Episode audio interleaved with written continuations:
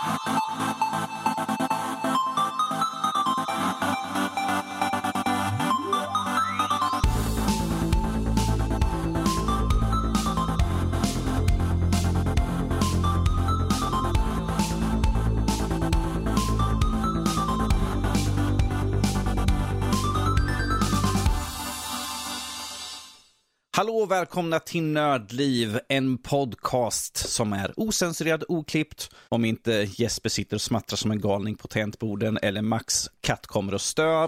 För då kommer vi klippa där borta definitivt sådär. Men det är så sånt som händer när vi kör podcast i alla fall. Jag heter Danny, med mig idag har jag Max, som sagt. Och hans katt i bakgrunden någonstans. Och Jesper. Hallå! Hej. Om vi har Dagens tur så avsnitt- får vi ett helt oklippt intro också, där vi inte har klippt bort Danny och hans kommentarer. Ja, ja, ja, precis. Dagens avsnitt är 367 och det här är den 17 i 9 2022 när vi spelar in det här. Hur är det med er pojkar då? Det jättebra. Hur är det själv? Ja, det går väl an. ah. Och nej, jag lät nästan positiv. Ah, vänta. Nej, det går aldrig. Uh, oj, uh, nej. Oj, det går oj. aldrig det där. Oj, Det oj, oj, är oj, oj. jobbigt. Ja, välkommen till Nördliv. Det träliga livet. Det träliga Nördelivet. livet. Ja, ju precis. Eh, I dagens avsnitt kommer vi prata lite Splatoon 3, vi kommer prata Metal Helsinger, vi kommer ta och gå in lite grann på Steel Rising, ett soulspel som en absolut inte souls-person har spelat, men det är en helt annan femma. Samt dagens nyheter som vi har plockat under veckan. Eh, den här veckan blir det ingen eh, Game Pass Roulette för att vi har varit lite dåliga med att spela spelen och det har varit så mycket annat runt omkring. Så vi kommer bara hoppa direkt in på nyheterna. Är det någon som känner sig redo att bara riva av nyheter? Aggressivt. Ja, Ja, alltså, det är aggressivt, det är raka rör, det var vad jag sa innan. Så här. Mm, Vi kan börja, börja med Nintendo Direct som hölls eh, den eh, 13 då på, i tisdags. Och det var ju en hel drös med spel där som utannonserades till Nintendo Switch då i från 2023 och några även för 2022. Eh, och som väldigt många konstaterade så var det extremt många farming-spel på den här directen. Men det var ju komiskt många farming-spel verkligen. Ja. Det var ju in this farming simulator and lifetime uh, life simulating you do chores and increase your uh, the points with characters. Det var, det var ju, ja, jag får fortsätta. Det Bara absurt. Den eh, mest eh, obskyra titeln av alla dock är nog Various Daylife. Eh, låter... Ja. Den säger men- sig självt det är liksom i namnet. Det, det är inte ens inspirerat längre. ja. Eh, trots det så var det ändå en del intressanta saker för mig. Jag tycker att eh, Fire Emblem Engage verkade vara ganska ambitiöst och lovande. Eh, verkar vara liksom ett nytt Fire Emblem-spel som tar väldigt mycket inspiration, från, eller tar många karaktärer som återkommer från de tidigare spelen som Marth och andra ikoniska karaktärer och för in dem i den här. Men med en väldigt speciell utseende på huvudpersonen som är typ så här blått och rött hår, typ så tandkrämsfärg typ. Eh, Jag ser eh, Jag, jag sorry jag avbryter, men jag ser ju fram emot när de kör eh, collaboration eller crossover med eh, Spaceballs. Så vi får Marf och Barf få Nej, gud. möta varandra. Det var en gammal referens. eh. Sen hade vi även eh, It takes two, eh, årets, eller förra årets eh, Game of the Year, både för Nördliv och för eh, Game Awards, det stora Game Awards.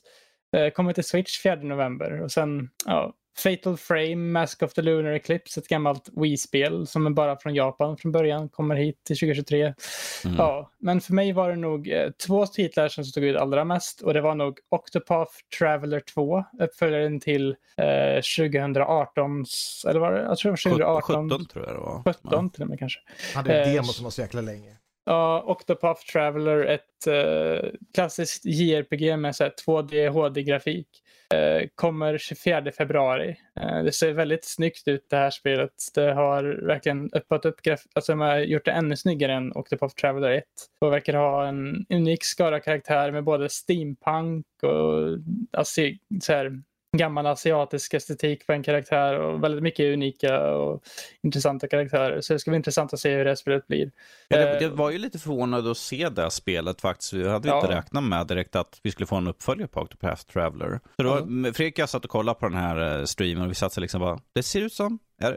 Jaså? Nej men där ser man spännande sådär, tyckte vi sådär. Jo, det är lite förvir- förvånande faktiskt för att de släppte ju, bara i år har de redan släppt två stycken uh, 2D-HD-spel, den studion. De har ju släppt eh, Triangle Strategy och eh, Live Alive, eh, det här gamla Mm. spelet.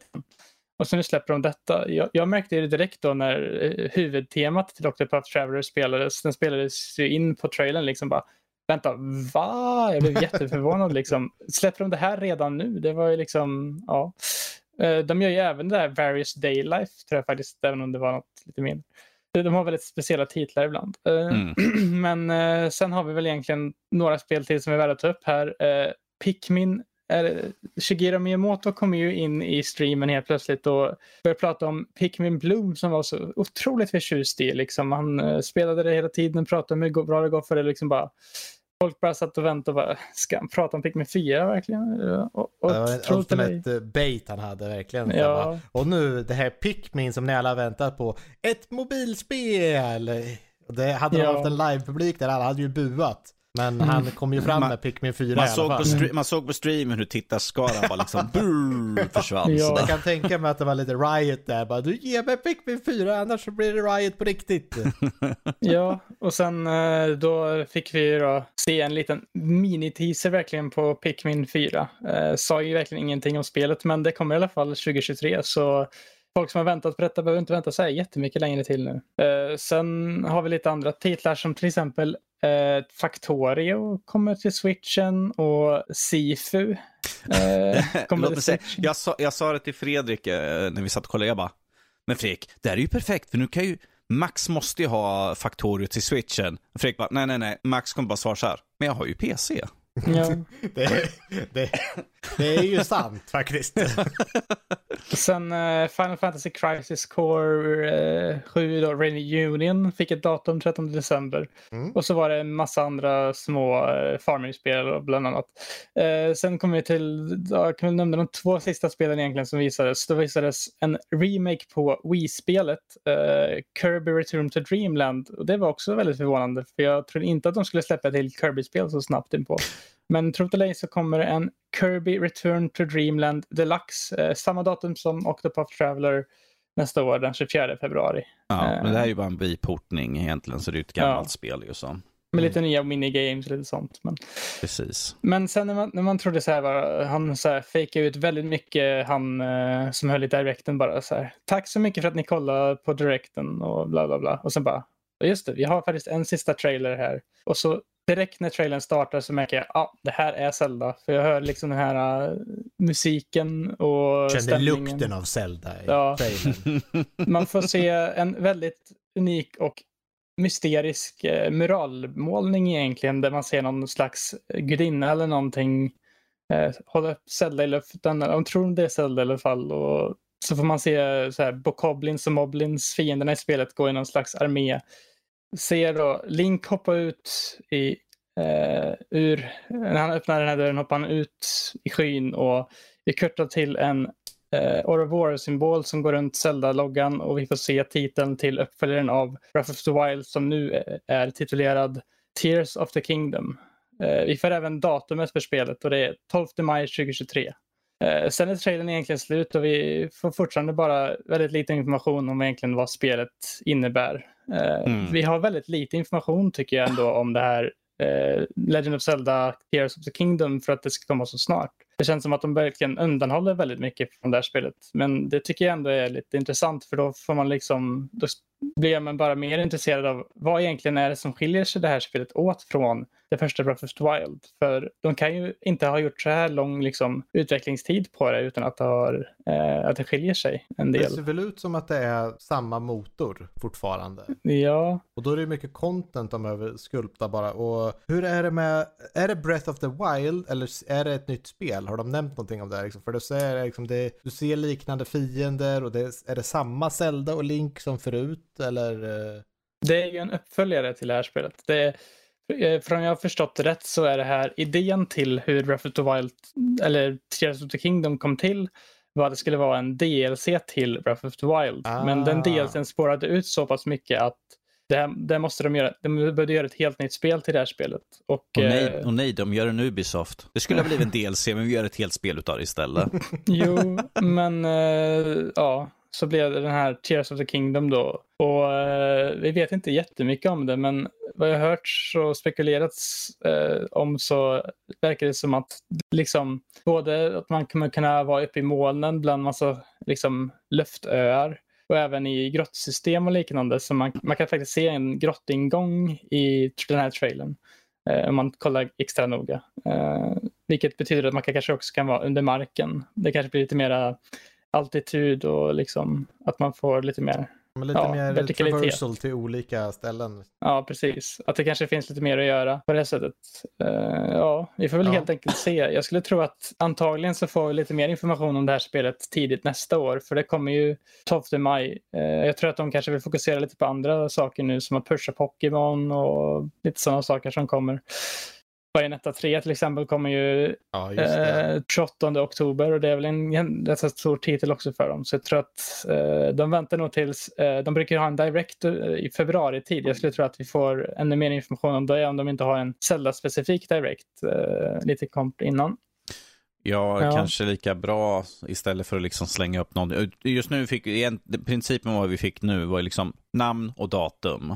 Mm. Kort och gott. Och så kan de ha en liksom specifik med gameplay bara för att ha en centrerad. För det är, om vi säger så här, det är ändå en av deras två största spel ju. Det är Mario och det är Zelda. Så varför inte ha en specifik bara för det? För att folk kommer flockas till det bara för att se en glimt av liksom något gameplay. Mm. Ja, vi ser fram emot också den tidigare, det de har gjort uppföljare på tidigare var ju Ocarina of Time. Så vi hoppas ju att det här kan bli en liksom, psychological horror-genre på uppföljaren istället för att riktigt eh, ställa till det för alla spelare som tycker åh vilken glad och rolig liten värld det finns här.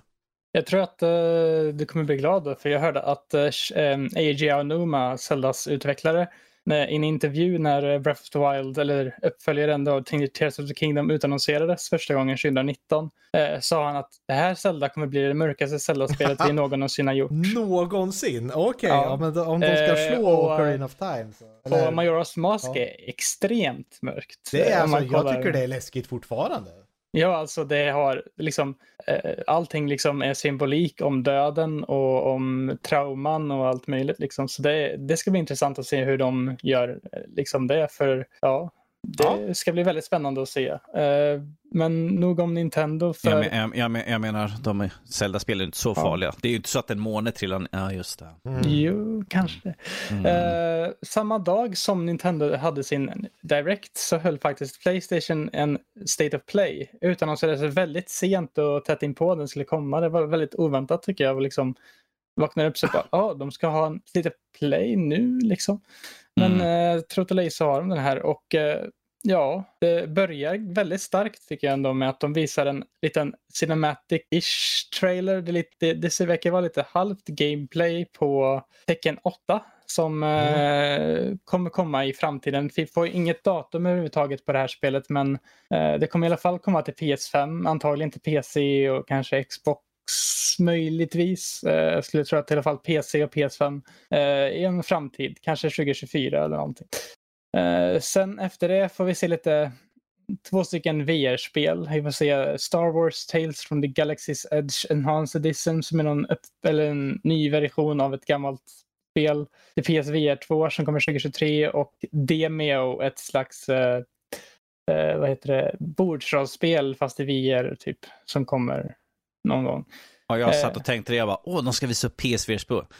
PSVR 2-spel. Bordspel i VR. Mm. Wow, framtiden är ja, här. Jo, jag satt så mm. jag bara, nej. Uh, och sen fick vi se en remake på uh, Yakuza, eller Like a Dragon som det nu heter. De har ju faktiskt bytt titel från Yakuza till Like a Dragon på hela serien nu. Uh, nu heter den, de gör en remake på ett, en spin-off till det som bara släpptes i Japan. Uh, like a Dragon Ishin som kommer i februari 2023. Uh, utspelar sig då i tidigare, jag tror typ 1600-talets uh, Japan. eh, några hundra år innan Yakuza-serien utspelas. Och, ja, kommer Det, det, det, det här är ju en, en, en del av nyhet som jag hade tänkt att ha här, det är att Yakuza-namnet är nu borta. Mm. Det här är Like a Dragon 8. Jag känner att jag måste spela de sju andra Like a Dragon. Jag har spelat en som jag recenserade sist som hette Yakuza Like a Dragon. Eh, så det är lite förvirrande här. Jag förstår inte riktigt varför de har tagit och bytt namnet. För ifall du säger liksom, ja men jag spelade Yakuza-spelen, då vet folk vad det är. Kommer du säga jag spelade Like a Dragon, folk bara, du ser, det är ett Yakuza-spel, men vad då Like a Dragon-spelen, vad pratar du om? Jag förstår inte riktigt varför de har bytt ut namnet sådär. Det är, Det är för de liksom, har bytt eh. Jag tror, det? ja. Det- 15 år eller vad fan du har hållit på nu och haft det namnet så Jag tror att det beror på att uh, spelet i Japan heter ju Like a Dragon från början tror jag. De har inte hetat Yakuza där. Jag tror att det kanske för att det inte har så jättemycket med Yakuza att göra längre som de valde att byta namnet. Jag tycker Mhm. ändå det är liksom så här att de borde göra det enhetligt ändå. Att liksom döper de det till Like a Dragon nu så borde de ju göra Det blir lite konstigt att döpa det Så så för, sent. förra spelet ska heta Like a Dragon, Like a Dragon. För den heter Yakuza Like a Dragon, så den ska heta istället för Yakuza Like a Dragon, Like a Dragon. Eller typ Yaku- Like a Dragon 7 bara. Eller något. Ja, precis. Eh, sen fick vi även information om att eh, till Hogwarts Legacy så kommer det finnas ett exklusivt quest till bara Playstation och det är någonting som utspelar sig på Hogsmeade tror jag det var. Något lite typ så här spökhus-quest typ. Eh, och det, ja, det var väl vad det var. Och sen fick vi ett ett lite udda och nytt spel som heter Pacific Drive utannonserades också. Man åker en bil i eh, naturkatastrofer och mystiska omständigheter. Eh, det kommer 2023 till PS5. Sen kommer Och, någonting... PS, och ja, PC. Ja, det kanske kommer till också. Ja. Eh, sen kommer vi till någonting som jag är lite så här, mm, vad är det här egentligen nödvändigt för? Och det är Playstation Stars eh, pratar de lite om. Eh, det är en slags reward-program som de ska ha. Där du kan få poäng när du spelar dina spel gratis att delta och du kan få massa digitala eh, visuella grejer liksom.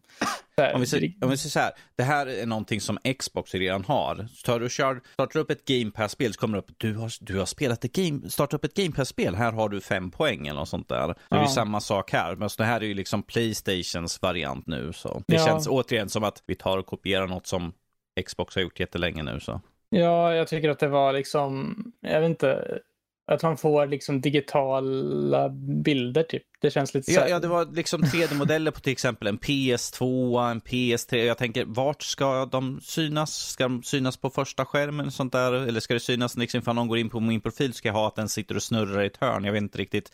Jag menar, de såg coola ut de. Jag bara, jag skulle väldigt gärna vilja ha en, kanske en PS2 som liksom har någonstans på mitt system, men jag vet inte riktigt. Uh. Ja, precis. Jag tycker att det var lite konstigt. Ja, vi får väl se hur det blir helt enkelt när det Och, kommer ut. och, och på tal om, jag vill bara hoppa tillbaka till Hogwarts. eh, Ja, 90% av nätet tänkte sig liksom exklusiva saker. Vad är vi, 2005 igen, vem bryr sig? Det är, mm, betala extra för att få en saker. Det är inte direkt att Wow, de får en sak till. Det är inte att jag kommer köpa den till Playstation bara för att få den banan. Då hade jag köpt, jag kommer inte ihåg vilket Batman-spel, Batman Arkham eller vad det var. mm. Det var liksom, ah nu kan du spela som Jokern här liksom, för ifall du spelar det på Playstation. Jag bara, nej. är så här Soul Calibur-spelen tror jag det är, så är det liksom att Ja, det var Darth kör- Vader och Yoda som man kunde ha på dem, beroende på dem, vilken man hade. och eh, i GameCube-varianten av eh, Soul Calibur 2 tror jag man kan ha Link som karaktär. Eh, ja, och sen kommer vi till något spel som jag vet inte riktigt, ja, det är någon slags mecka anime shooter No Man's Sky-like spel som heter Syn Duality som kommer 2023 till, eh, vad heter det, ja, till PS5 och PS4 antar jag. Eh, tror att jag såg att det även skulle få en anime i det här spelet också. Eh, Jaså? Okej. Ja, jag tror jag såg det idag. Eh, jag vet inte vad jag ska tycka om det. Det såg väldigt ja, sådär ut. Tycker jag. Ja, nog. det är så generiskt. Det, är så- det, visst, jag, jag tycker om, liksom, det låter coolt, koncepten och sånt där, men det, det behövs sitta i händer innan man kan bedöma det. Mm. Något som dock ser väldigt coolt och intressant ut enligt mig i alla fall är Stellar Blade, tidigare, som tidigare nämnt eh, Project Eve. Eh, och det här är ju ett koreanskt actionrollspel med mycket liksom så här, lite postapokalyptisk eh, så här eh, mekaniskt med eh, en kvinnlig huvudkaraktär som, och action combat. Det ser väldigt intressant ut. Jag ska verkligen hålla koll på det här spelet känner jag. Gör så. Mm. Eh, Det såg väldigt intressant ut. Sen har vi även ett annat väldigt intressant spel tycker jag och det är eh, Rise of the Ronin. Ett eh, lite Ghost of Tsushima-eskigt open Ja, world-spel. Jag har ett av... par anteckningar om det här faktiskt. Ja. Och det Du är kan lite... ta upp dem. får passa på när jag ändå är här. Det, det, det, det påminner som sagt väldigt mycket om Ghost of Tsushima. Jag tror att efter den succén som det, det hade, det, den kritiken, den goda kritiken där fick. eh, Så det är väldigt Mm. spännande att se för att vi lever ju också i en värld eh, efter Elden Ring just nu med den populariteten. Och Team Ja. Ninja har ju gjort eh, Ninja Gaiden-serien. Jag funderade bara, ja men är det här en prequel till Ninja Gaiden på så sätt? Men det verkar ju, jag har inte sett eller hört några kopplingar till det. Men jag det, försökte lyssna efter namn, men jag bara, nej, jag känner inte igen något namn i alla fall. Så. Ja, men, men det, det blir spännande att se vad de gör med gameplayet för att Ninja Gaiden var ett riktigt svårt spel. Och det var ju ett, eh, det var ju, det var ju inte Dark Souls-spel utan det var ju mer Devil May Cry action-hållet. Men det var ju Mm. otroligt svårt. Så det ska bli väldigt spännande att se hur de utvecklarna nu, förmodligen tonar de ner det lite och går åt Ghost of Tsushima-hållet, men de har ju gjort väldigt hardcore svåra spel på ett annat sätt än Dark Souls. Så det ska vara intressant att se hur publiken är, liksom, är, är redo för det just nu. Så att eh, det ser väldigt bra ut och när det kommer till action så har Team Ninja gjort väldigt mycket bra grejer. De har ju varit eh, kanske lite mindre bra på story och sånt där. Men sätt dig i Japan, gå runt och slakta saker, vad mer behöver man? Gör som Elden Ring, ge lite lore i items eller något sånt där så får vi se om det, någon kan pussla ihop det sen i en YouTube-video. De gjorde ju, jag tror det var de som gjorde bland annat eh, Stranger of Paradise, eh, Final Fantasy Origin och uh, Neo-spelen också. Mm. Så det, de har lite så här soul-sig influens där med de spelen också. Så jag får se lite hur det här utvecklas. De hade ju någon, så här, någon scen i det där man verkar någon slags typ glidflygare som fick mig att tänka direkt här på Breath of the Wild. Typ. Ja. Eh, Men också det där äh, vapen, så här, skjutvapen på Ja. svärd och någon spjut de hade där, någon slog till någon och så sköt någon i huvudet. Så det är Mm. fränt ut. kommer ju då 2024 så det är ju lite tag kvar. Och eh, de avslutade hela den här showen med inget mindre än eh, först då en handkontroll till God of War Ragnarök. Yay. Och, eh, men inte bara det utan en helt ny trailer till God of War Ragnarök som var väldigt bra den trailern tycker jag. De verkligen de visade, för, de visade mycket om spelet utan att spoila allt för mycket. Det var coola vyer, fighter och liksom man fick se mer och mer av vad som gör det här spelet till liksom skilj, lite så att liksom varför ska man spela det här spelet efter God of War liksom. Jag tyckte Ja, att det var ja, en, ja, ja, bara. jag tyckte det var en bra trailer. eh, Mm. Jag känner lite grann så att vi behöver inte få mer på God of War. Vi har sett Nej. tillräckligt. Det som de redan har släppt innan där, det räckte gott och väl. Till skillnad från, jag först- liksom, Zelda, vi har inte sett någonting, vi har sett jättelite teaser, folk kommer vara liksom bara, "Åh, vad är det för någonting? God of War, vi har sett massvis liksom, vi bara, okej, vi vet det här, vi vet det här, vi vet det här, vi har sett, jag nöjde mig liksom bara för att se liksom lite strid, lite kort storyline, vi fick se Tor och sådana saker. Man bara, ja, ja, jag behöver inte mer. Det, that's it, det räcker. Det finns liksom, okej, ni kanske börjar göra lite för mycket. Dämpa ner det liksom. Behöver, vi behöver inget mer. Det kommer snart. Mm. Lugna ner er. Jo, alltså nu tycker jag att nu ska de nu ska jag inte se på något mer eh, liksom, om spelet för nu liksom. Den Nu- 9 nu spel- november släpps spelet så vi behöver inte inte ha mer egentligen. Nej, det är inte långt kvar nu och det verkar inte som att det kommer få någon delay heller så eh, det kommer nog vara en avsluta året väldigt bra tror jag. Du- det. Ifall det skulle helt plötsligt komma så här, ja ah, förresten vi har den, den tråkiga nyheten att vi måste skjuta upp God of War till, till 2023. Då kommer Fredrik hänga så han bara, inte ett till spel 2023. Ser Fredrik bara svinga lite långsamt. Han bara, det var strået som fick mig liksom att liksom trilla omkull. Ah! Ja, Jag tror, jag tror att många skulle kommer få, ja, någon riktig fit i så fall ifall de skulle skjuta upp det här nu helt plötsligt sådär. Jo, men jag tror inte det Men- kommer hända nu. Nej, alltså. jag, jag tror inte jag har fått någonting. Vi har ju suttit hela tiden bara, kommer det skjutas upp? Kommer det skjutas upp? Det är det sista liksom egentligen storspelet för året. Kommer det? det? Vi kan inte ha att fler spel skjuts upp till 2023, för det är fullt som det är liksom redan nu med 2023 och hur många spel som har flyttats över. Jag kom på en till sak nu här när vi pratar om en grej som jag inte nämnde från Nintendo Directen.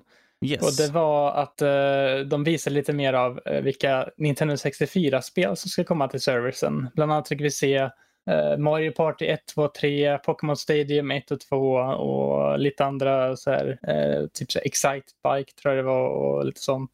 Pilot Wing. Ja, Pilot Wings. Men den kanske största nyheten för många var att eh, Goldeneye kommer till servicen och inte bara att den kommer utan att den kommer med, även med online multiplayer för eh, Nintendo Switch eh, online då. Eh, vilket eh, jag är rätt säker på många blir glada över. Eh, det är inte bara, den kommer inte bara till Nintendo Switch då, den här Goldeneye, utan den kommer även till Xbox Game Pass. Men till skillnad från Nintendo Switch där man kan köra online multiplayer så kan man bara på Xbox Game Pass-versionen spela lokal multiplayer om jag förstått det rätt. Så, eh, då får man picka och choose lite. Vad, vad vill man göra? Vill man spela lokal multiplayer eller online multiplayer? Det är Mm. ju synd att eh, Nintendo Switch har kast nätverk. Ja, det är lite det. Alltså, det hade varit mycket bättre tvärtom tycker jag om att Nintendo Switch-versionen har varit den som var lokal multiplayer. För jag tycker att Nintendo, är, det Nintendo gör bäst är nog lokal multiplayer när det kommer till liksom, multiplayer-fokuserade spel som Mario Party, Smash, eh, Mario Kart. Liksom. Jättekul att spela med vänner i soffan. Liksom. Eh, Medan kanske på Xbox och Playstation så är det mer liksom, online. Så jag tycker att det är lite så här märkligt hur de har valt att göra det. Men ja, Alltså, vi får ju se när spelet släpps hur det faktiskt blir. Mm. Ifall det är bara att de har haft, att det har stått olika saker på olika tider för att de ska skiljas åt. Det kanske är liksom couch co på båda eller online. Det vore väldigt skumt ifall de släpper två separata versioner. Liksom att ni kan köra online men ni kan bara köra med dem på Nintendo. Istället för liksom att, men vi har liksom att köra över, du kan köra mot Xbox eller du kan köra mot, oh, mot Nintendo. Så där. Jag menar, det är ju det som är det bästa i så fall av alla världar. Ja, Nintendos version är ju lite speciell för Nintendos online-spel är ju inte liksom på konsol. De är liksom streamade typ så här med eh, emulation på ett sätt som inte riktigt är. Det är inte som ett riktigt spel på det sättet. Det är liksom i en service. Eh, om någon har spelat Nintendo online här som ni har pratat om. Liksom, det är inte riktigt så exakt som liksom ett vilket spel som helst. Eh, och jag vet att onlinen i eh, Nintendo Switch Online specifikt också har varit skitkass. Eh, typ i Mario Kart 64 tror jag det var så var det helt ospelbart när det kom. Och, ja.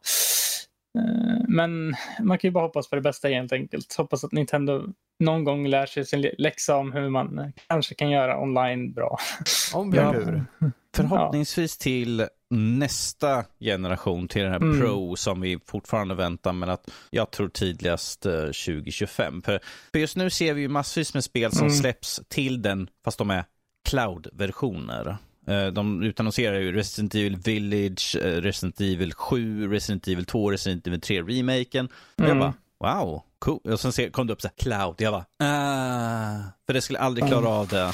Nej, alltså jag tror inte att de kommer släppa en, eh, vad heter det, Nintendo Switch Pro vid det här laget egentligen. Jag tror att de kommer släppa en Nintendo Switch 2 eventuellt.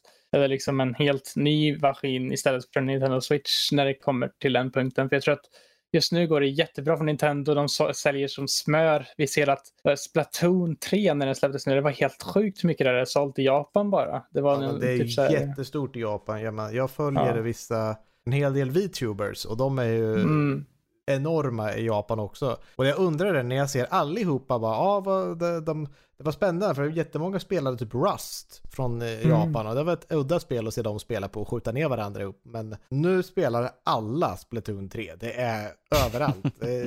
Och jag tänkte bara, jaha, vad är det så populärt? Men det, det är spännande att höra för jag har sett det verkligen.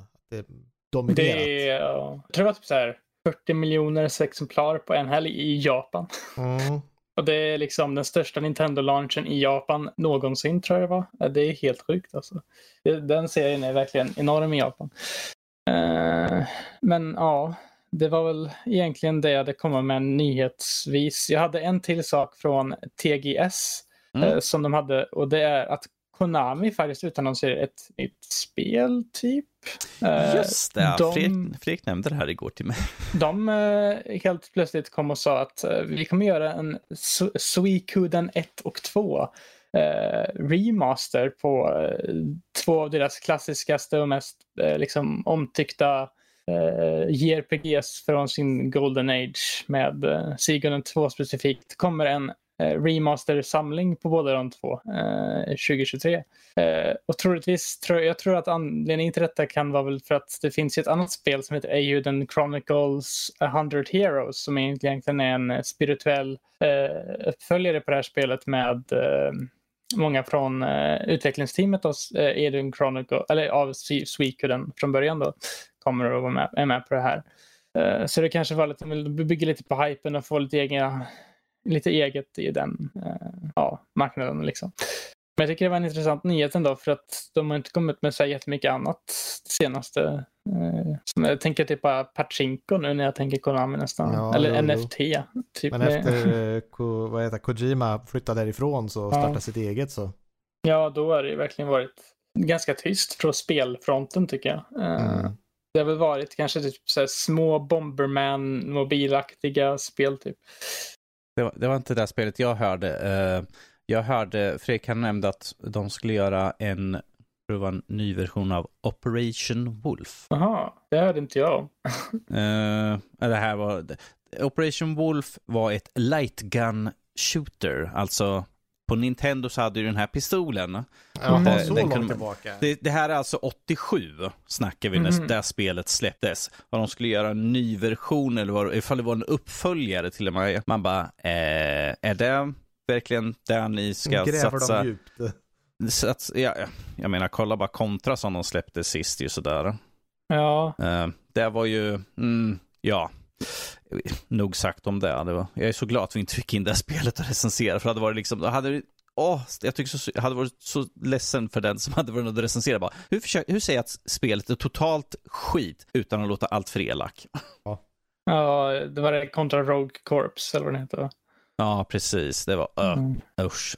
Jag kollade gameplay på folk som spelade och, och de satt mest bara, vad är det här? Det här är absolut ingenting som, det är, snä, det är isometrisk vy liksom. Jag, vad, vad är det? Du, det, och det mest roliga var att, liksom att ja, men du har ett vapen som du kan skjuta, liksom, men vapnet blir överhettat så du får inte skjuta för hårt. Man bara... Du får inte ha för uh, roligt. Du får inte ha för roligt. Det var liksom det som var grejen med de gamla kontrare. Skjut allt som rörde på sig liksom så fort som möjligt sådär. jo, alltså Konami har verkligen tappat sin vision. Eller liksom så här. Det, ja. Men i alla fall, alltså, de Pachinko, de tjänar så mycket pengar på det. Ja. Och spel, deras spelsida behöver de inte bry sig om, utan de tar bara IPn och har dem på Pachinko-maskiner istället. Mm. Eller på NFT. Ja, eller, ja, vi pratar inte om det. Vi Nej. var upprörda. Sådär. Max, hade du några fler nyheter? Lite, lite små grejer. Jag menar, jag, jag hade ju också tecken 8 lite som en, en kul grej med hur cinematic det är. Eh, vi fick ju som sagt en liten bit där från eh, Sony i början om startade det hela. De bara renderade helt in-game. Eh, det var, det var in-engine alltså? Det var helt in-engine jag tittade inte ifall det stod liksom in engine. Det stod i början att det var, okay. det var det. Och att det var, det är ju i gameplay också. Det där är mm. ju liksom, i, man får ju hela den här introsekvensen och sen så fight. Och sen så har de ett par extra kameravinklar som jag inte tror är korrekta. Men mycket av det här första slowdown-slagen är någonting som har funnits i Tekken 7. Att när båda karaktärerna har lite HP och det sista slaget ska bestämma någonting, då får man den här slowdown-effekten och de har verkligen gått all in på den. För den har varit, den har varit mycket uppskattad. Eh, så det, det är fränt, men eh, också lite hur vi fick en jätte, jätteliten teaser på Tekken 8 i, på Ivo, fighting-turneringen som är den största i världen, som var mm. bara för eh, ett litet tag sedan. Då fick vi en liten teaser på vad som kunde varit Tekken 8. För det, det har ju alltid varit eh, Heihachi mot den där Eh, Kazuya? Kazuya, jag tänkte säga Kazama mm. men det är fel namn. Eh, och de, de, har ju alltid varit det som har varit liksom rivaliteten. Men eh, nu fick man ju se att de, på Ivo så spelar de upp en, eh, en liten eh, filmsekvens som jag tror är, om det är från tecken 1 eller tecken 2. Där Kazuya kastar ut sin farsa ur, i en vulkan efter att ha besegrat honom med glorious Playstation 1-grafik.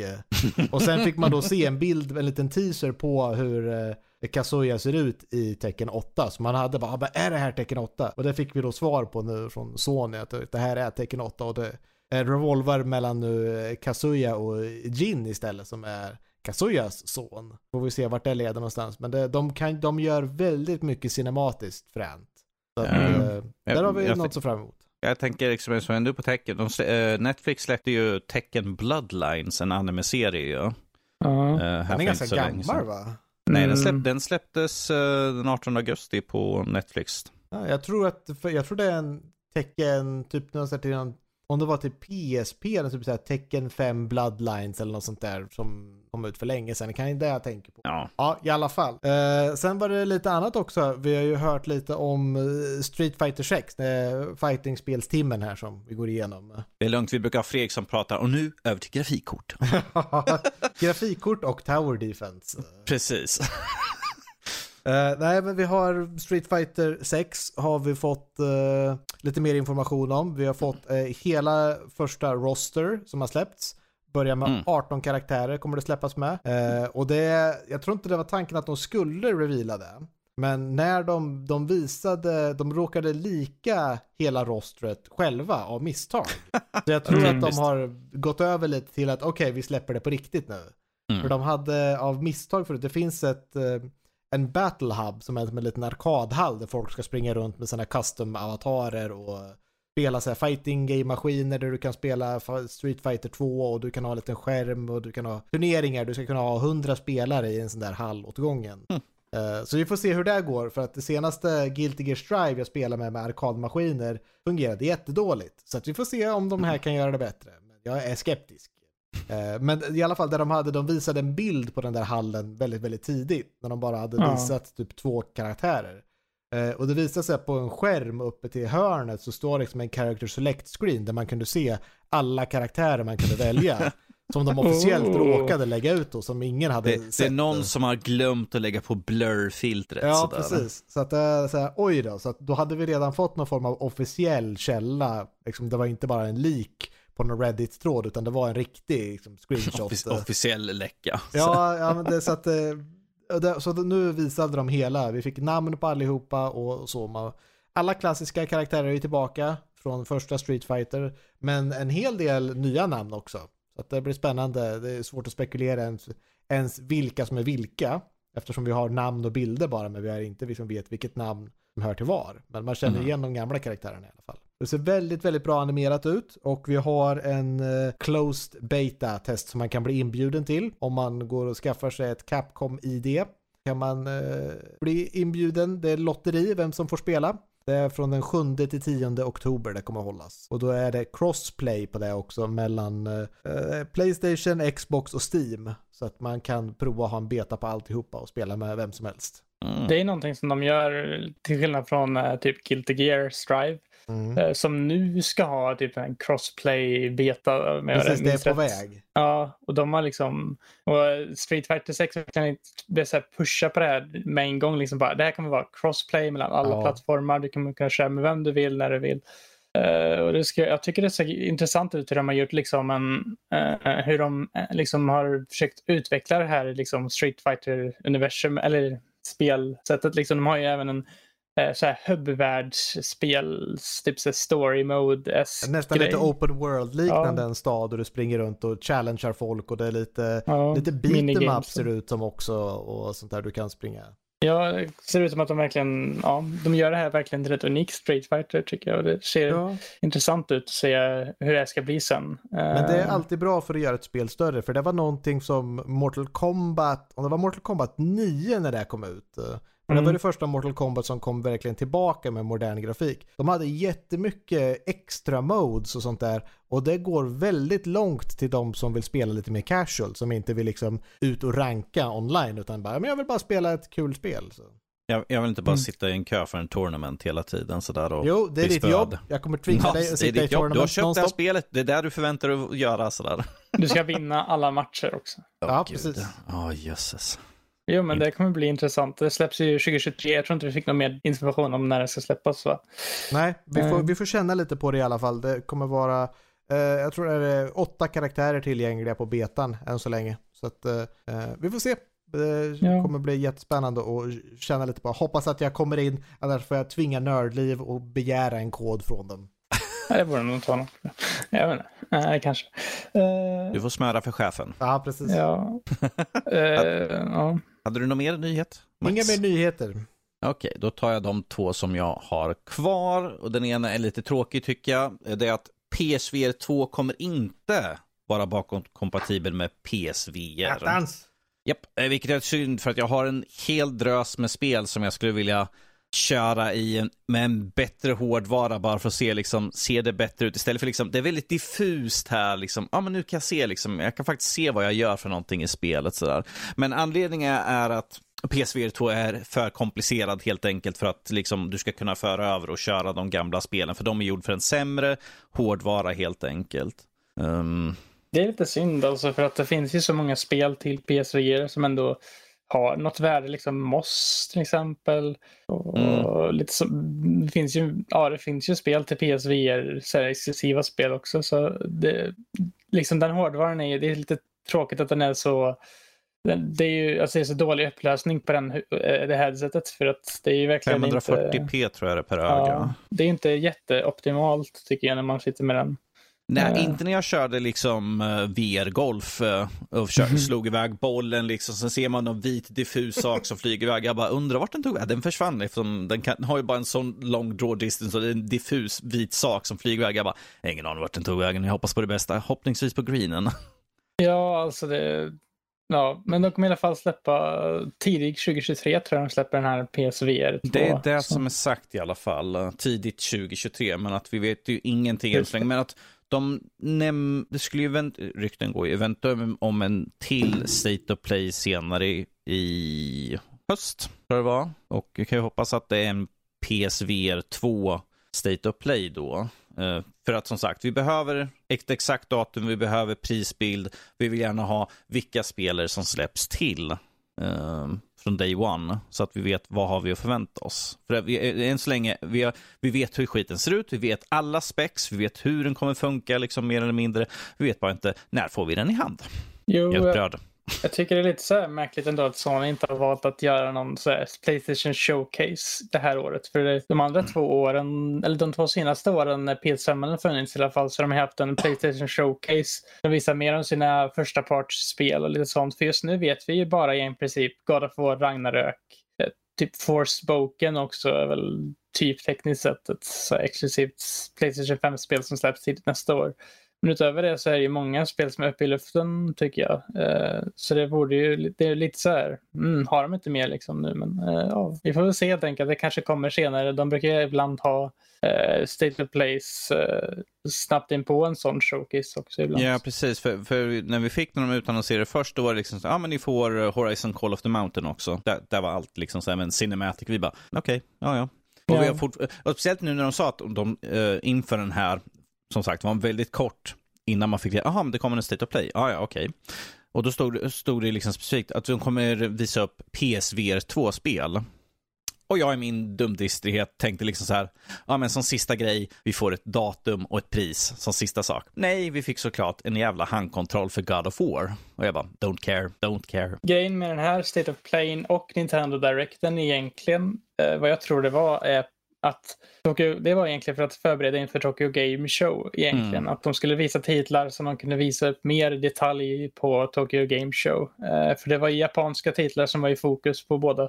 Liksom, så att, ja, ja eh, det var väl egentligen därför de höll den här. Jag hade inte någon förväntning om att de skulle ha PSVR 2 men jag tycker fortfarande det är en tråkig nyhet att komma ut. Liksom, att jag hade nästan förväntat mig att de skulle ha bakåtkompatibilitet på något sätt. Liksom. Men ja, Mm. Det är väl som det är liksom. Ja, alltså PS, original PSVR kommer ju finnas kvar här så att ifall jag vill gå tillbaka och jag ska kanske förhoppningsvis spela igenom alla mina P original PSVR-spel liksom innan jag byter över. För annars kommer det vara liksom, jag kan inte gå tillbaka till 540p, det går inte. Man ser ingenting om de jävla kontrollerna, jävla move-kontrollerna, de är så totalt värdelösa. Oh, ja. ja. Nej, det, som sagt, det är lite tråkigt, men att kanske de kan fixa att kan vi vara kompatibla på något sätt? Hoppas kan man ju alltid, som sagt. Det är bara att de har gått ut och sagt det just nu. Det finns ju ingenting som säger att de kan fixa det senare i framtiden. Eh, min sista nyhet är en uppföljare som jag aldrig hade räknat med att vi skulle få se.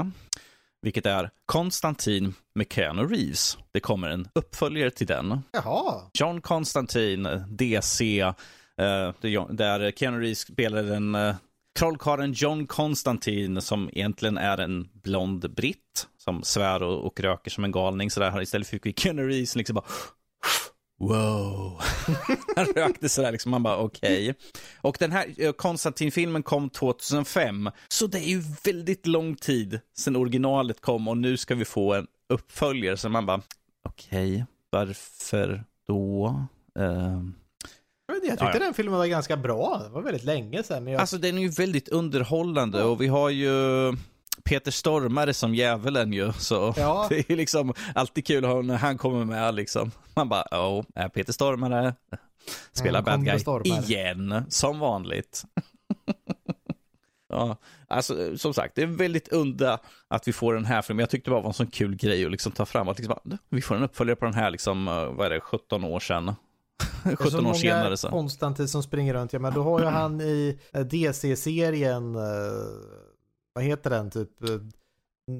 Äh, Legends of Tomorrow eller något Legend sånt där. of Tomorrow med han, uh, vad heter han för någonting? För han är ju faktiskt blond tror jag i den serien. Uh, och sen har du ju där vi talade lite om uh, Sandman-serien också.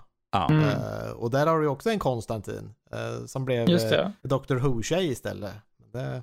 De ska ju göra en, en ny Konstantin tv-serie, men att de, de de gör om den, utan nu kommer Konstantin vara en, eh, en svart snubbe istället. Så han kommer inte vara den här bleka, blonda kedjerökare, utan de skulle göra om till en svart kille istället. För att vara vi... Konstantin så är han inte konstant. Matt Ryan, så heter han, och han gjorde ju röst också till Assassin's Creed. Uh, vilket jag tycker, han, var, han, han gjorde rösten till uh, Edward Kenway i Assassin's Creed 4, tror jag mm -hmm. Uh, hurons, till hurons-karaktären. Så jag tycker det är kul. Så att jag har hört om liksom jättemycket i, i det spelet. Sen såg jag på liksom Konstantins tv-serien. Jag bara, jag känner igen den här rösten. Jag har hört den väldigt mycket. Vem fan är det liksom? Jag går och kollar. Jag bara, ah, det är samma person som är rösten. Men jag, jag tycker att uh, det är synd att liksom, vi inte får mer med Matt Ryan. För jag tycker att han passar väldigt bra som karaktären. Men oh well, oh så är det liksom med film och tv. Att vi, det är alltid något nytt och roligt sådär. Så vi, det är kul att liksom leker och ändrar om lite grann i karaktärer och sånt där. Så why not? Det blir alltid spännande att se. Det är ju som jag brukar säga liksom. Um, oh, vad heter han för någonting? Han uh, spelar han som har hand om bron i Marvel. Tor, vad heter han? Han som har hand om bron. Svarta, svarta skådespelaren som har hand om bron. Ja, ja, han Heimdall. Vad fan heter han som är... Eh, Idris Alba, är det han? Idris Alba, för han har ju varit länge under, folk liksom bara, vi vill se honom som James Bond och alla har liksom bara, nej nej nej, kan inte ha James Bond, måste vara en vit snubbe. Och jag bara, men Idris Alba är en fantastisk skådespelare, det skulle vara bara coolt att få se honom spela mm. liksom James Bond, för att han spelar, majoritet, 90% av det han spelar är alltså en cool snubbe och liksom James Bond på han, han är cool, han är sövig, liksom, han liksom kan glida in, liksom skärma kvinnorna, sen spöa skiten och skurkarna. Och jag tycker att Idris Elba vore perfekt för det egentligen. Det vore bara coolt att se honom. Om det så bara för en film och säga liksom, nej men det är en Elseworld, det är liksom så här, vi har liksom, det här är ett annat universum där Idris Elba är liksom James Bond. Ja, senast jag såg honom någonting, det var när han var, spelade ande i i den filmen med hon. Hon som var uh, bad guyen i uh, Keanu Reeves Konstantin, eller ängeln. Luther. Är det inte det hon som också var... Nej, inte Luther. Uh... hon var ju också den här Sorcerer Supreme i Marvel innan... Du pratar 3000 year of longing. Så kanske den heter. Ja. Med, med, ja precis, hon som spelar Gabriel, Tilda Swinton. Så heter hon. Mm. Mm. Så de två tillsammans, eh, senast jag såg dem i, i film där. Men... Är, är, den, är den bra? För jag, för jag har inte sett den, jag har bara sett att sett den finns. Okay, för jag vet ju att det är George Miller som har skrivit och regisserat filmen, så jag är lite smått nyfiken. Någonting att hålla utkik efter. Precis. Men det var de nyheterna vi hade den här veckan. Ursäkta mig för att jag sitter och hostar som en galning här nu. Så, men, eh, Kedjeröker som en Konstantin. ja, jo. Jag är, tyvärr, jag är varken blond eller britt, men att jag gnäller nog lika mycket som honom, så där skulle jag tro. Sådär. Eh, jag tänkte vi hoppar över till vad vi har spelat och sett på. Och eftersom vi nämnde det här förut så kan jag ju hoppa till Jesper på direkten och prata Splatoon 3. Ah. Ja, jag har ju faktiskt kört uh, Splatoon 3 en liten... Uh, ja, jag har kört igenom i alla fall story-modet på Splatoon 3 och kört lite multiplayer också. Eh, bland annat med några från eh, spelbutiken.se eh, som eh, spelade det här spelet som jag körde Alltså, med. okej. Ja. Eh, Gaming for 40 heter de, något, eh, som jag spelar med. Ja, eh, vi kan väl börja med att eh, prata om story mode då i Splatoon Ja, 3. det, här, det här är jag nyfiken för att de har ju inte haft något i de tidigare utan det här är första gången vi får en story mode på Nej, Splatoon. det är det inte. Är det inte? Jag har för mig att det var liksom första gången. Det är tredje gången. Det har varit haft i alla spel, men det Har inte varit... alla? Inte Notera här, jag har ingen switch, jag spelar inte spelen så. Det är Ja. det jag bara läst mig till, liksom att det är första. Okej, go Grej- on. Ignorera mig. Grejen är att eh, det här story-modet, eh, det är väl att det här story-modet är mycket bättre än de andra två story-modes. De andra två story-modes har varit väldigt så här bare bones, eh, inte så jätte- de har inte varit så jättespeciella eller någonting, utan Det har typ varit, vi måste ha med så vi gör någonting. Ja, eh, Mm. men eh, det är ungefär samma premiss som de andra två spelen. The Great Sapfish, en stor liksom kattfisk eh, har, som eh, ger elektricitet åt staden, då har blivit tillfångatagen av eh, någon och det är ditt jobb att eh, ta dig ner till med, genom kloakerna till ett annat område och eh, sätta, och sätta stopp för den som har tagit kontroll över den här sapfishen. Då. Eller tagit tillfångatagit den här sapfishen. Och eh, det är väl så storyn börjar. Eh, du möter på Captain Cuttlefish som han heter nere i...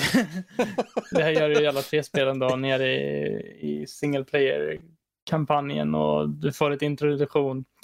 Eh, det som är i det här Splatoon är då att du tar ifrån du tar dig till en annan värld som är under marken eh, som heter Alterna. Eh, och i den här världen så finns det sex olika sites som du kan resa mellan.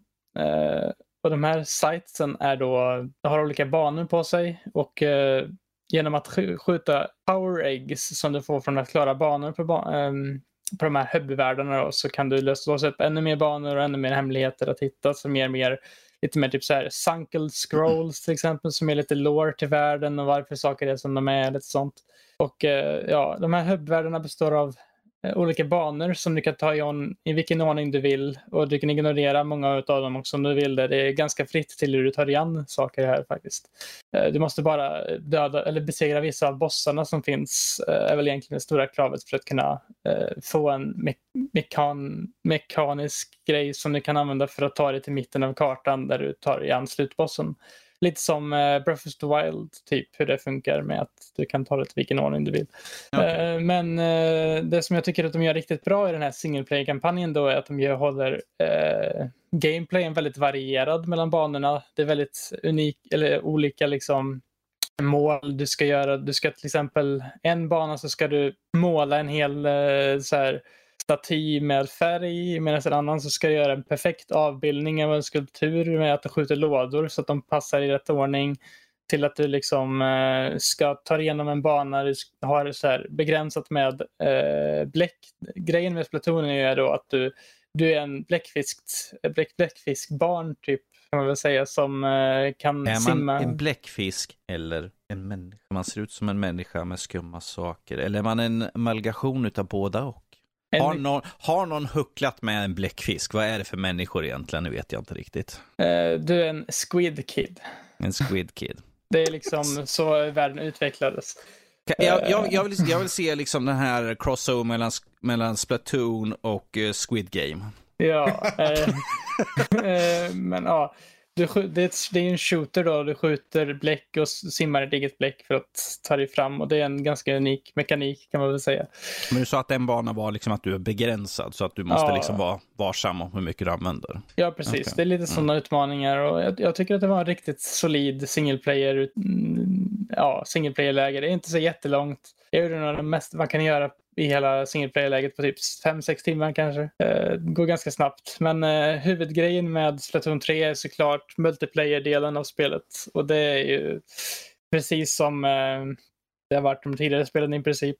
Eh, du, huvudläget Turf War går ut på att du ska typ det är lite som paintball typ, att du sprayar färg och dödar fiender. Och I Turf War då så ska du spraya så mycket färg du kan eh, på banan så att motståndaren, att du har mer färg på kartan än motståndaren i princip när matchen är över. Mm. Eh, och döda fiender är väl en bonus då för att det är inte, det är inte liksom huvudgrejen utan du ska ju spraya men du måste ju ta död på dem också för att inte de ska spraya. Och eh, sen finns det även lite rankade lägen som kallas för Anarchy Battles och där kan du till exempel, eh, det finns en Tower Control där du ska flytta ett torn från ena sidan till den andra genom att eh, stå på den och spraya det med färg. Sen finns det en splat zones där du ska färga ett specifikt område under en viss tid medan du håller det området liksom ett liksom så här zone control. Och sen finns det typ uh, raid maker som är att du ska ta en um, ett vapen, typ eh, jättemäktigt vapen som du ska föra från ena sidan av mappen till den andra sidan. Och lite sådana saker. Sen finns det även ett hårdläge som är lite så här, tänkte typ så här, Call of Duty Zombies, Splatoon style, där du ska döda salmonids som de heter för att uh, harvesta ägg som du får för att få bättre vapen och bättre gear i princip. Och det är väl egentligen stora grejen. Det är Splatoon uh, fast med bättre single player-läge kan man väl säga. Då, då är ju frågan, funkar det bra att köra online då? Det är en annan femma dock. Att, eh... Nej, så jag tänkte, jag är lika bra gå in på det som vi pratade om det förut med deras eh, nätkod liksom. Det är väl inget problem på nätkoden i, sig. Eh, det flyter på bra i matcherna och sånt och det funkar bra. Det som är problemet är dock att de har inget system för om folk eh, hoppar ut ur matcher. För om folk hoppar ut ur matcher, om någon hoppar upp ur en match så avbryts hela matchen. För de har inga bottar eh, liksom, som kan ta över. Okay. Så folk sabbar för varandra hela tiden genom att hoppa ut i matcher och så försvinner all den tiden man har slösat på att ja, köra. Det är så, Oj, mitt lag håller finns... på att förlora. Ja, men då är bara jag hoppar ut. Så, så det gills ingenting. Ja. Och ingen bestraffning säkert för att göra det heller. Så. Nej, inte vad jag vet i alla fall. Men jag eh, tycker det är lite tråkigt för att eh, de borde i alla fall ha lagt in ett system där man kan liksom ha en bottar som tar över liksom eller någonting. Men det har inte de tänkt på. Så det kan man inte göra. Ja, eller i alla fall liksom ifall någon håller på liksom hoppar ur jätteofta bara för att de förlorar liksom någon bestraffning. Att du är liksom bannad nu i tre dagar för att du håller på och hoppar mm. ut höger och vänster från varenda match bara för att du är usel och kan inte spela bra. Ja, jag tror att det är att man, i alla fall typ två personer måste hoppa ur, men jag tror att det är ofta som det är typ flera personer som hoppar ur. Och ibland så funkar det även utan att folk hoppar ur. Då försvinner de bara, liksom bara från matchen. Så det känns lite så här random om matchen avbryts eller inte. Ibland, mm. Det var en match som det var typ så här att jag och en annan spelare var ensam mot fyra andra spelare. Och då går det ju knappt ens att göra någonting. Liksom, för då är man ju helt utan liksom då är man helt i undertag liksom. Då är all dead weight borta från ja. er. Då är det bara dags att dominera. Jo, det är väl det också kanske. Men uh, ja, Splatoon 3 är Splatoon 3. Det är liksom, du vet vad du får och det är samma gamla goda Splatoon liksom. Uh, men jag vet inte riktigt om det tillkommer jättemycket nytt utanför den här single playern. Det hade ju, de hade i alla fall kunnat lägga till något mer läge liksom från tvåan tycker jag. Eh, det är mycket som skiljer med vapen och sånt. Det finns lite olika specials som du kan använda dig av till exempel eh, jämfört med ettan, eller ettan och tvåan då. Eh, ja, det är väl det som är största skillnaden egentligen. Annars är väl lägena ungefär samma sak. Liksom. Mm. Yes, Splatoon. Jag tycker det är kul, liksom, vi ändå pratade om förut, så kommer vi upp det på det nu, att du har kört redan. Så. Mm. Men Max. Ja? Metal Helsinger. Ja, metallhelvetes sjungaren. Precis. Är han bra på att sjunga eller är Till det och med liksom... en hon. Till och med en hon. Men... Okej, är hon bra på att sjunga och var det ju, kul? Hon har ju tappat rösten. Nämen. Och då kan hon inte sjunga längre. Har hon inte VIX? Och då behöver man ju ha en dödskalle som heter PAZ, E-A-Z. Som jag tror det är, är det, är, vad heter han? Heter han Troy Baker? Tror jag han mm, heter. Ja. Som gör rösten till Så att han talar kompanjonen då med henne. Så att han narrerar varje bana. Vart man är någonstans i helvetet och eh, vad man håller på med och storyn sådär. Sen är det ju lite så digital comics på som berättar en liten story. Det är inget jättestort spel. Det är ungefär, jag klarade ut det igår, tog mig ungefär tre timmar. Eh, och eh, jag tror det är totalt nio banor och då kommer jag inte ihåg om jag räknar med tutorial eller inte. Och det Mm. det är är ju nio stycken låtar skulle jag säga. Och man får se det här som ett, eh, ett rytmspel. Fast det är Doom också. Och det tror jag har nämnt förut då, att det är som du kombinerar ett rytmspel med Doom och varje bana är en låt. Så har man Mm. spelat typ sådana här eh, DDR-dansmattor eller har man spelat några Beat Saber eller något sånt här rytmspel så är det så fast du spelar Doom istället. Du ska skjuta i takt och du ska ladda om i takt och allt vad det är. Jag, jag tror jag ska bli frustrerad och säga liksom, jag vill, ha en, jag vill ha en låt med snabbare takt så jag bara kan skjuta fortare. Ja, det är, lite, det är lite olika varierande i takter. Och det som är bra är att du har den här äh, pass, dödskallen som du går med. Och det är ett vapen som du alltid har med dig. Man har alltid honom och han skjuter små så här eldbollar. Och den kan man hålla på och skjuta, så mellan man springer mellan fiender, liksom mellan rum i banorna, så springer man och trycker i takt för att skjuta, för då håller man sin combo multiplier igång. Och det, det ger en väldigt bra känsla liksom att gå mellan och hålla, och hålla liksom multipliern uppe, för att låten som spelas i bakgrunden spelas olika beroende på hur hög multiplier du har. Så att det börjar liksom, börjar på liksom gånger ett multiplier, då, då är låten väldigt lugn och liksom i bakgrunden och man hör bara lite. Så kommer du upp till gånger två, men då kommer det igång lite mer bara, sen till fyra, ja men då får du in lite mer instrument. Vid åtta, då är det så, ja men nu börjar det gå dra igång på riktigt och sen när du kommer upp till Men, gånger men 16. på, på, så- på maxnivå alltså, din nivå, eh, kommer grannen och klagar att du har för hög volym eller? Ja, det, det, det är och nivån jag där. menar, att- du har en bra bit till din granne Mm. ju så. Som tur är så kör vi, eh, vi bor ute på landet här så vi kan döna på ganska bra utan att den störs. Vad heter det? Är det inte så lite att, jag kommer ihåg, jag körde ju demon då för ett bra tag sedan, men är det inte så att beroende lite på vilket vapen också du har lite olika tempo också? Eh, Det- för det är samma När jag har svärdet typ så är det lite mer. Svärdet är lite speciellt för att svärdet slår i takt 1, 2, 3. Men när du Mm. klickar på tredje slaget eh, så kommer det attacken som en starkare attack men den kommer på fjärde takten. Så att med Mm. svärdet så går man runt och klickar 1, 2, 3, paus, 1, 2, 3, paus.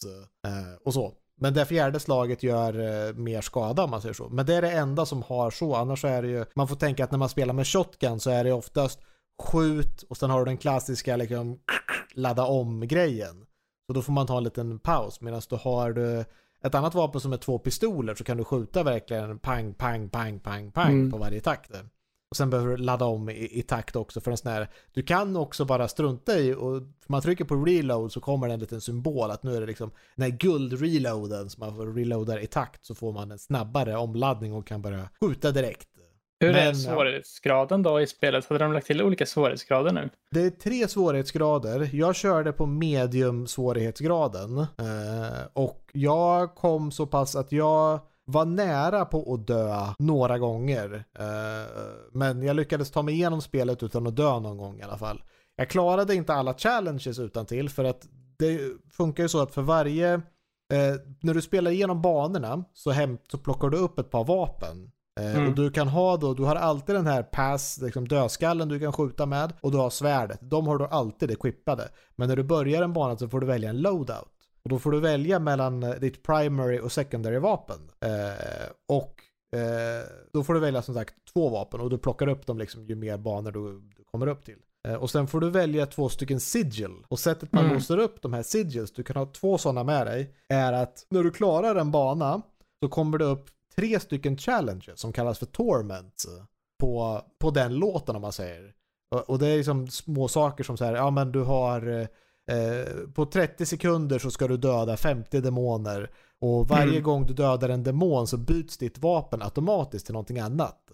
Och för varje demon du dödar så får du tre sekunder till på den här klockan. Så det är lite sådana här trial-utmaningar som ändå, ändå går ganska fort och lite roligt med att ha andra utmaningar än bara att köra primärlåten och banan om man säger.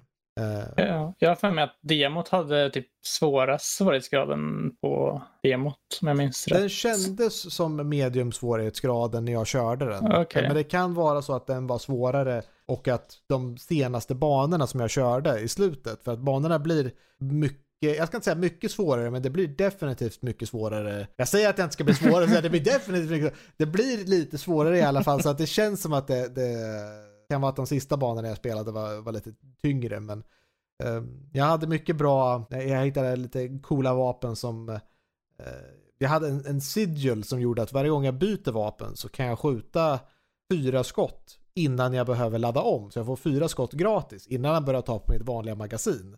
Varje gång jag mm. byter vapen. Och så hade jag ett vapen som man behöver ladda om efter två skott. Så det var väldigt mycket liksom skjut, skjut, ladda om. Skjut, skjut, ladda om i en sån takt.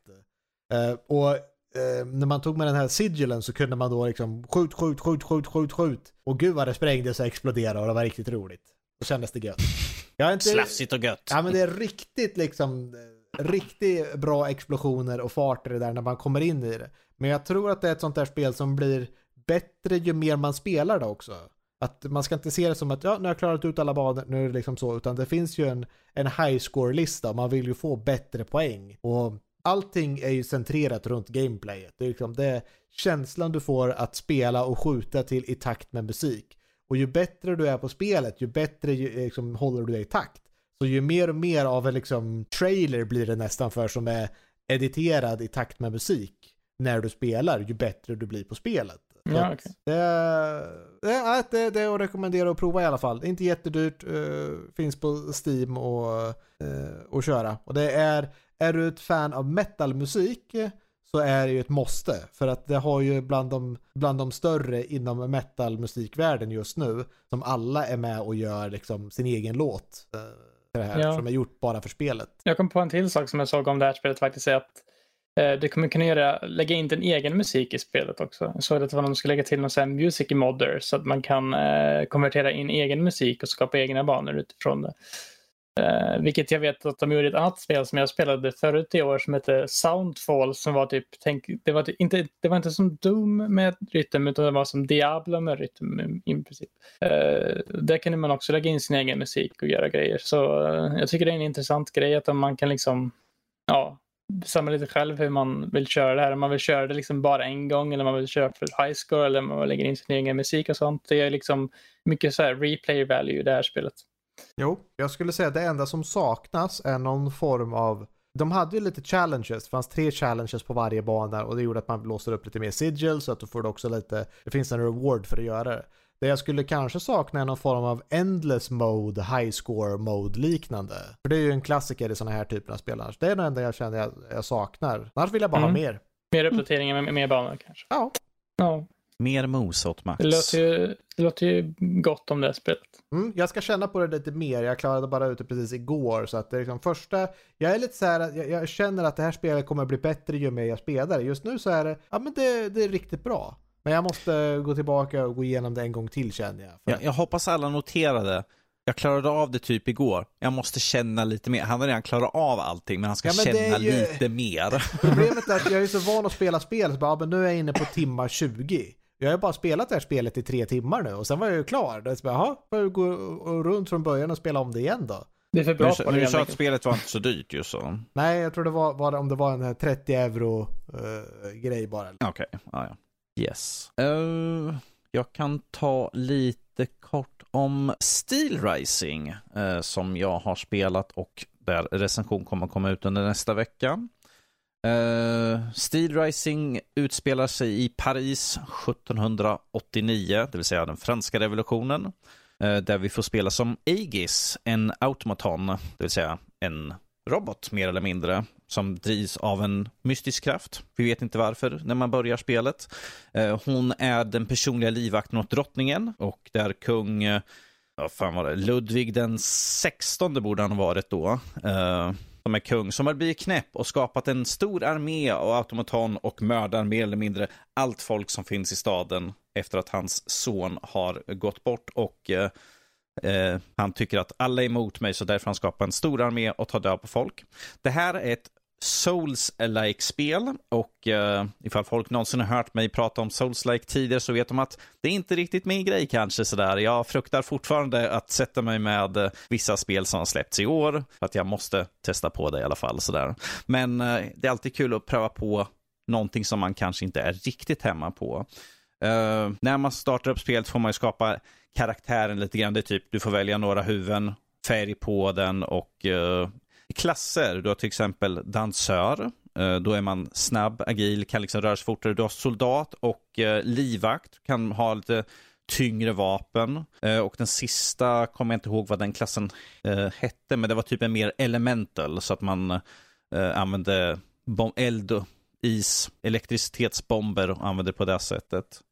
Men som i klassiskt souls-like, du springer ur banor, du möter fiender där typ den första fienden kan mörda dig så brutalt och man gråter och så vaknar man tillbaka där man sparade sist och man bara, jag har ingen, uh, ingenting sparat, jag har ingenting på mig längre.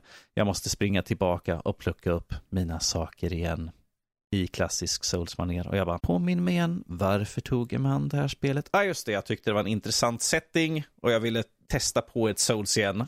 Bara för att liksom utmana mig själv lite grann som recensent. Då ska man ju ta det som är svårt. Sådär.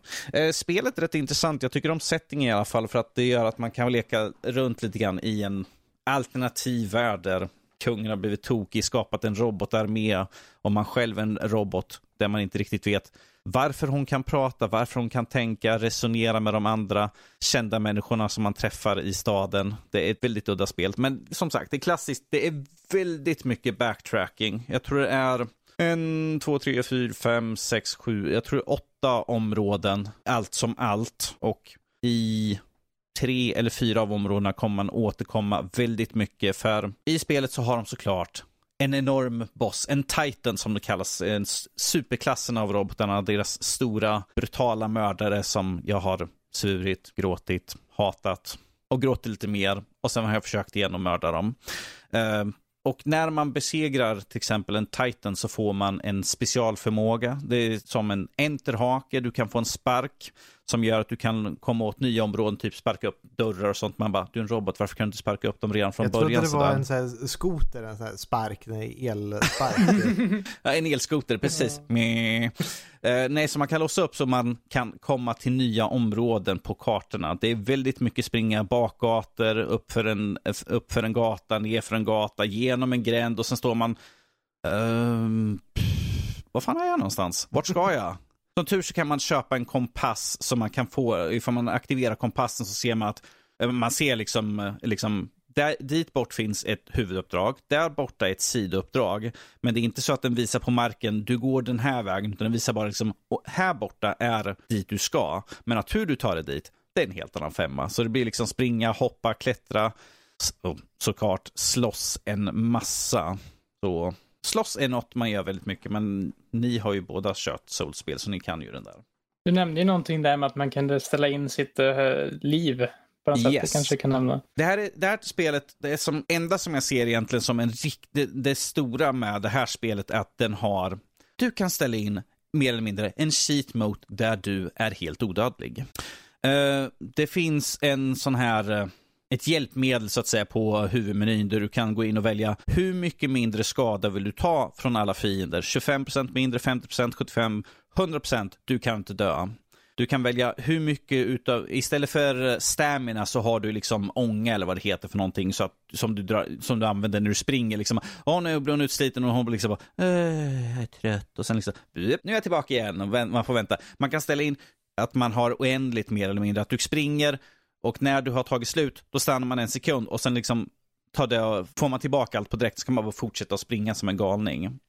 Så det är väldigt enkelt där liksom att ifall man inte, som jag, en superhejer på Souls-like och kanske är lite gammal och lite seg och inte kan med, liksom bara, vänta nu, han gjorde sådär, vilken, vänta, hur skulle jag, skulle jag hoppa till höger eller vänster? Jag kommer inte ihåg. Äh, skitsamma, jag hoppar tillbaka och bara kastar alla granater jag har och spränger dem åt skiten. det måste jag säga har varit väldigt fördelaktigt. Att köpa, inte levla upp min karaktär jättemycket, bara sparat liksom, och köpt massvis med handgranater. Jag har cheatat så många bossar genom att stå, hoppa liksom runt, kasta, kasta, kasta typ 50 granater. Jag bara dö din jäkel. Men som sagt, det här tycker jag är en fördel för att ifall man inte är en Super Souls-spelare så kan man ändå ta sig igenom spelet. Um, som jag har gjort. Uh, tack vare det att jag har dragit liksom så att jag har fått lite lättare och fördelar uh, när jag märker att jag kan inte ta den här bossen liksom på de uppgraderingarna och de vapen jag har. liksom, Okej, okay, men då tar jag bort, jag, jag sätter att jag dör bara 50% av, jag tar bara 50% skada. Ja men se där, då kan jag ta mig an den här bossen. Väldigt enkelt och smidigt. Så problemet är att du är odödlig. Men det tar lika lång tid att slå ihjäl alla fiender. Så att det inte är att helt plötsligt bara, ja ah, men du tar ett slag så dör alla fiender. Nej, nej, nej.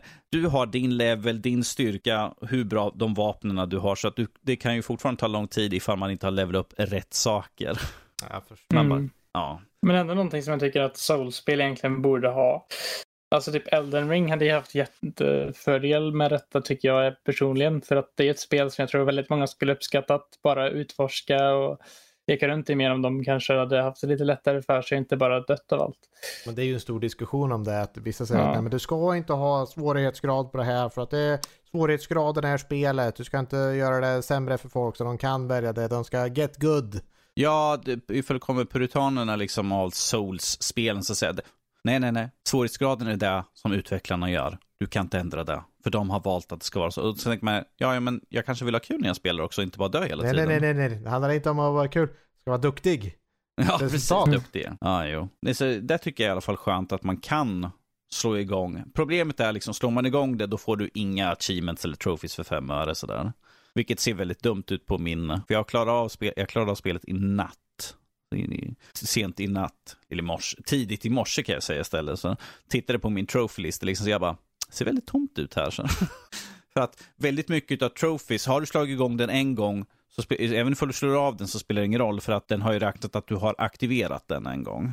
Uh, eftersom, jag, eftersom, jag, eftersom jag, och de säger, det fanns till och med på en sajt jag kollade upp, jag bara, äh, stämmer det här? Bara för att kolla upp liksom hur det låg till. Och det stod liksom, har du aktiverat den så kommer den, men 90, typ 90% av alla trophies stängas av. Du kommer inte kunna få dem för att de, de är ju svårighetsbaserade.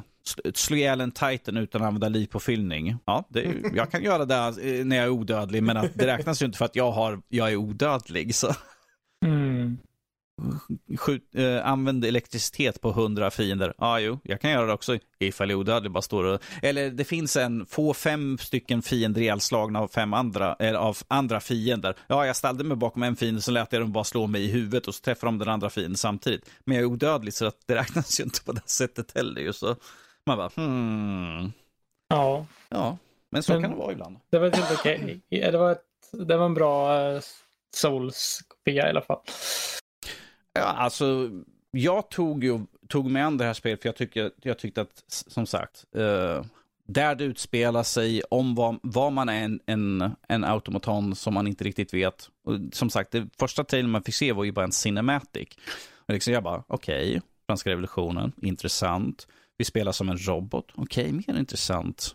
Och sen när vi fick lite gameplay, jag bara, okej okay, det här ser intressant ut, men att det, de, jag hade ju aldrig hört liksom att de sa souls-like. Jag bara, okej okay, det här börjar se intressant ut, men det börjar se lite soulsigt ut, så jag börjar bli lite skeptisk till det. Så Och sen eh, när jag tog med spelet, jag tittade på Steam, och då stod det bara liksom berättelserikt, action, atmosfäriskt. Jag bara, okej okay, det står inte souls, så det kan inte vara det. Typ två dagar senare så gick jag in bara för att jag skulle kolla någonting med pris och sånt där, och då hade de lagt till souls-liknande. Jag bara, damn it.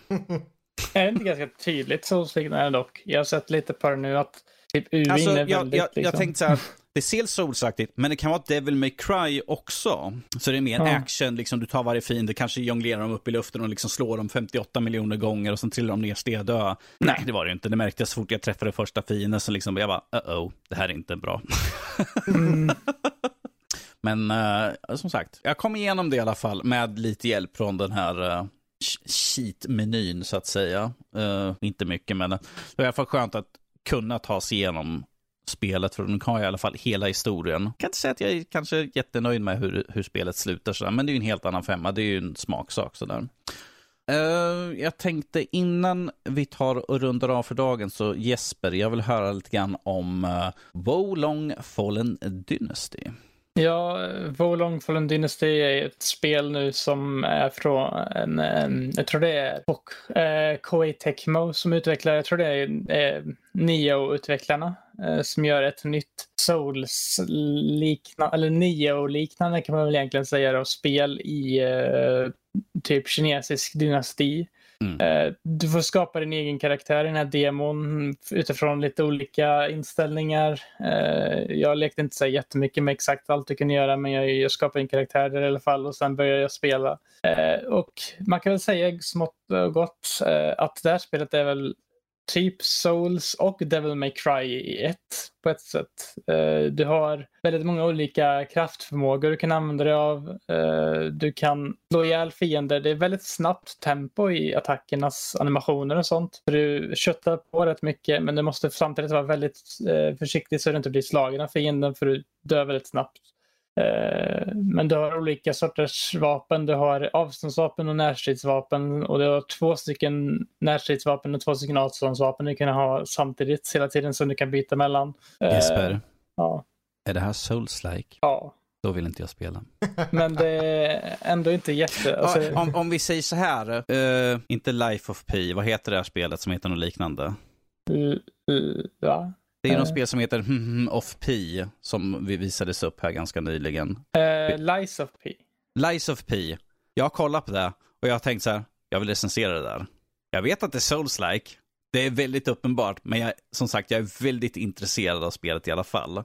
Ja. Det här är problemet, att jag gillar saker jag ser liksom och jag bara, det är Souls, jag är ingen super Souls-spelare men att jag vill fortfarande köra. Det här är problemet, att jag vill testa på fortfarande för att jag älskar att testa nytt. Jag, bäst jag säger det som för Fredrik ska klippa den här sen, så han bara, ja ah, men då ska han göra en Civ 7 härnäst. Jag bara, åh nej. Sju, Vad heter spännande. det? Ja. Det, det man kan säga med det här spelet är dock att jag tror att det är lite mer approachable på vissa sätt. För du får checkpoints ganska ofta du kan gå till och på de här checkpointsen så kan du rekrytera en hjälpkompanjon. Och den här hjälpkompanjonen är ganska OP faktiskt. Den kan ta sig igenom fiender jättesnabbt och bara mosa på. Eh, men om du själv dör när den är aktiverad så kommer du förlora den och du måste få nya resurser för att få en ny sån. Då, då, är jag lite, då är jag lite nyfiken uh, ifall det här fanns i demot, men ifall du har en kompanjon som kanske gör allt arbete, vad är det för typ, känner du XP på att slå ihjäl fiender eller hur funkar det? För Eh. typ levling eller något sånt. Jag tänkte ifall man bara låter sin kompanjon göra allt arbete, tjänar du så att du kan levla upp? För det känns ännu mer OP att låta någon annan stå. Det är som jag skulle sätta mig i Mm. typ Final Fantasy 14 och låta Max mörda allting medan jag står bakom så här liksom. Ja men jag tjänar XP samtidigt så här. Det vet jag inte. Det, det, Det kanske inte fanns i demot så där implementerat bara. Jag vet att en sak som är jämfört med Souls är att du inte förlorar eh, resurser på exakt samma sätt som i Souls, vad jag förstått det som. Du, du får liksom en slags resurs du kan använda det precis som i Souls för att kunna levla upp olika stats, typ liv, styrka, Mm. defense och sådana saker. Eh, som du kan använda vid checkpoints för att levla upp och sånt. Eller typ flaggor som det är i det här spelet. Då.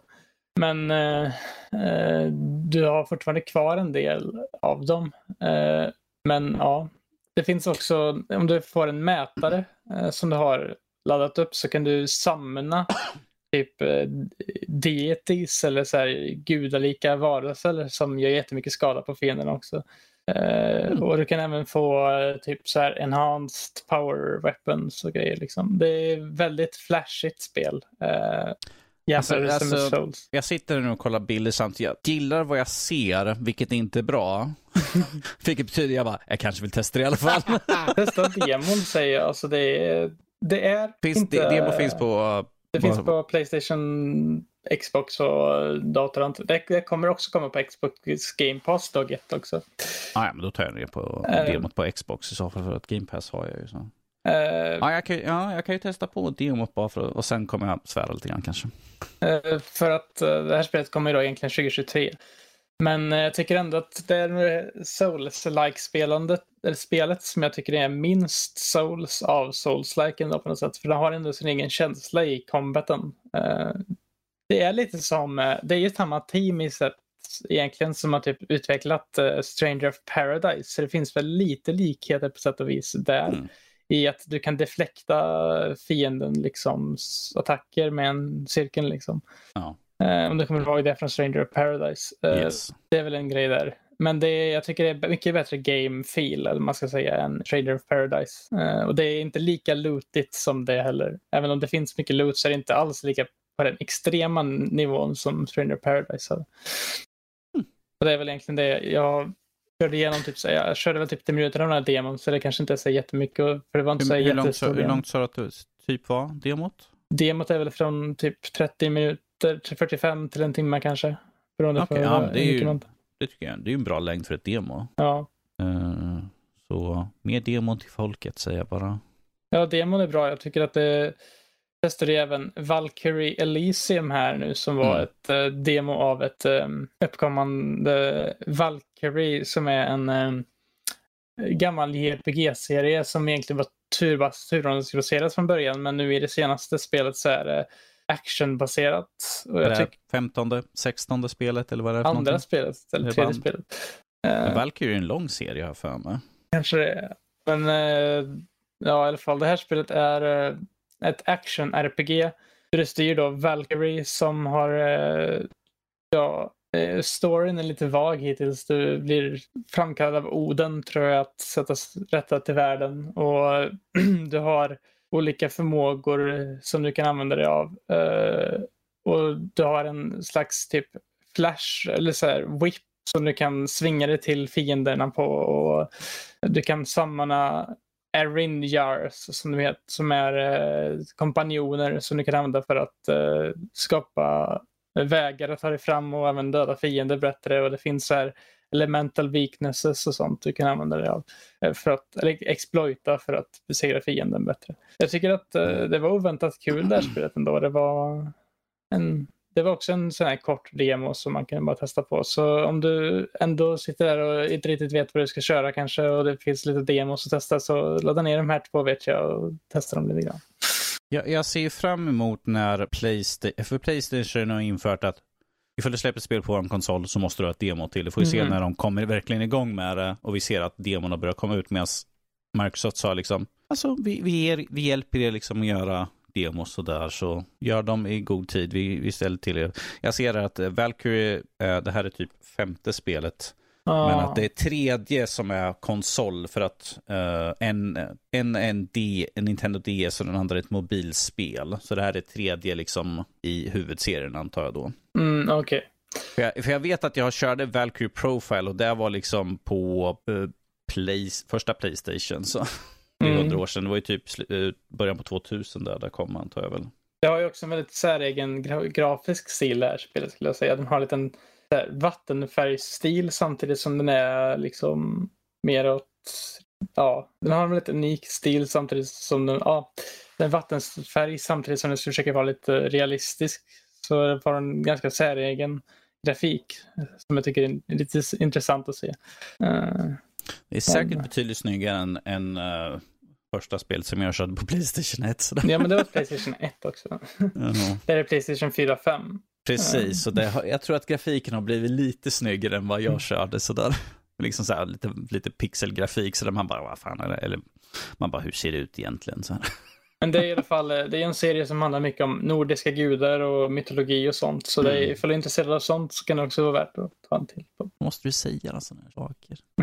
Det är till det man måste tala. Det är bara att börja utforska. Direkt efter du är klar med Civ 7. Ge inga idéer här nu sådär. Det kommer, det kommer att bli väldigt jobbigt för mig sådär. Åh gud. Ja, jo. Ja, vad ska man Bloodborne har eh, Danny-estetik. Så Danny ska testa Bloodborne. Nej. Bloodborne. Ska jag köra Bloodborne? Jag har det... Jag tror, jag tror jag hade det installerat.